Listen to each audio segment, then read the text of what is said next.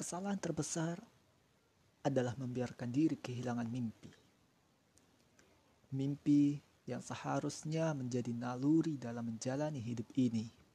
Rasanya pahit kurasa. Aku kehilangan diriku sendiri, kehilangan semangat serta motivasi.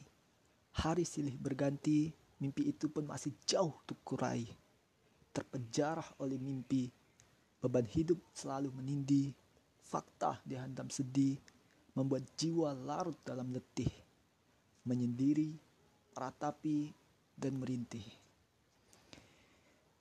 Hidup memang tak mudah untuk dijalani, tak semudah membalikkan telapak tangan. Tapi yakinlah, setiap kehidupan memiliki arti.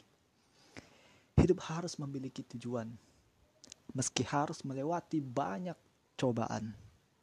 Raih cita dengan pengorbanan, kuatkan jiwa dengan doa dan harapan.